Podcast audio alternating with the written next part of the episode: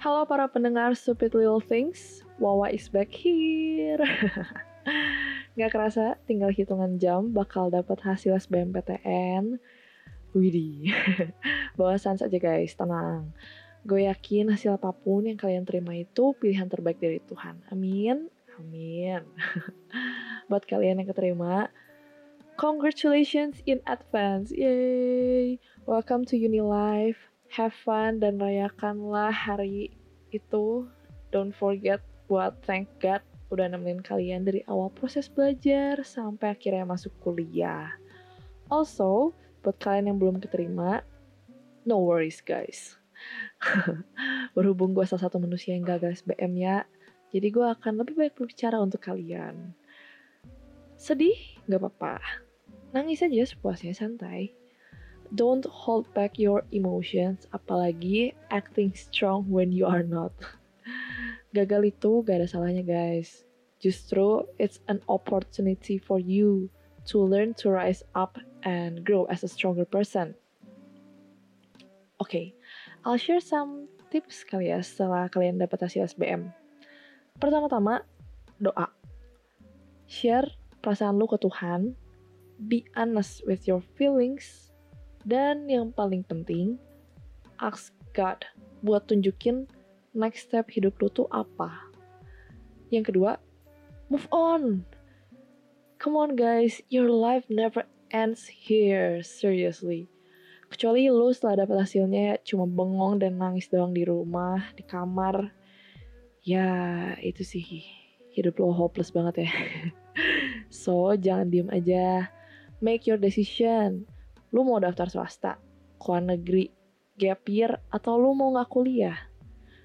Kalau lu mutusin buat daftar swasta atau luar negeri, langsung pilih Yunis cepatnya. Gak usah gengsi lah gara-gara ranking uh, apa ranking uninya tuh lebih rendah dari PTN gitu ya kayak gue dulu. Lagian kan kalau lu mau jadi berkat buat sesama kan bisa di mana aja dan kapan aja ya enggak. Oh, by the way, uh, ada banyak beasiswa yang udah mulai open dari Agustus ini buat admission tahun depan. Jadi kalian yang ngejar beasiswa gitu ya di luar, coba follow aja account-account tentang scholarship. Uh, di IG tuh ada Scotters, IND beasiswa, dan lain-lainnya ada banyak lah pokoknya.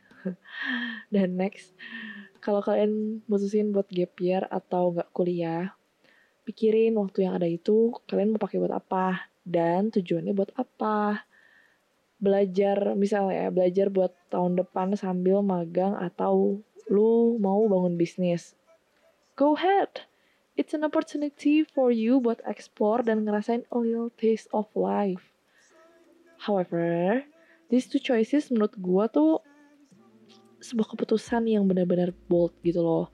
Jadi lu harus berani untuk yakin dan bertanggung jawab juga ya sama outcome-nya. Um, yang pasti lu be confident lah dan never give up in any situation because this road is gonna be so much tougher. pasti ada momen di mana lu mentally down karena ngerasa ketinggalan lah sama temen-temen lu, especially academically kali ya tapi serius deh, once you get over it, itu you will feel so much stronger than before.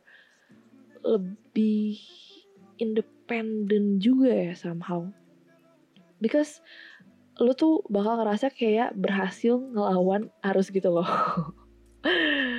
ya, oke, okay. itu aja sih teman-teman dari gue. Wishing you guys the best of luck and stay safe.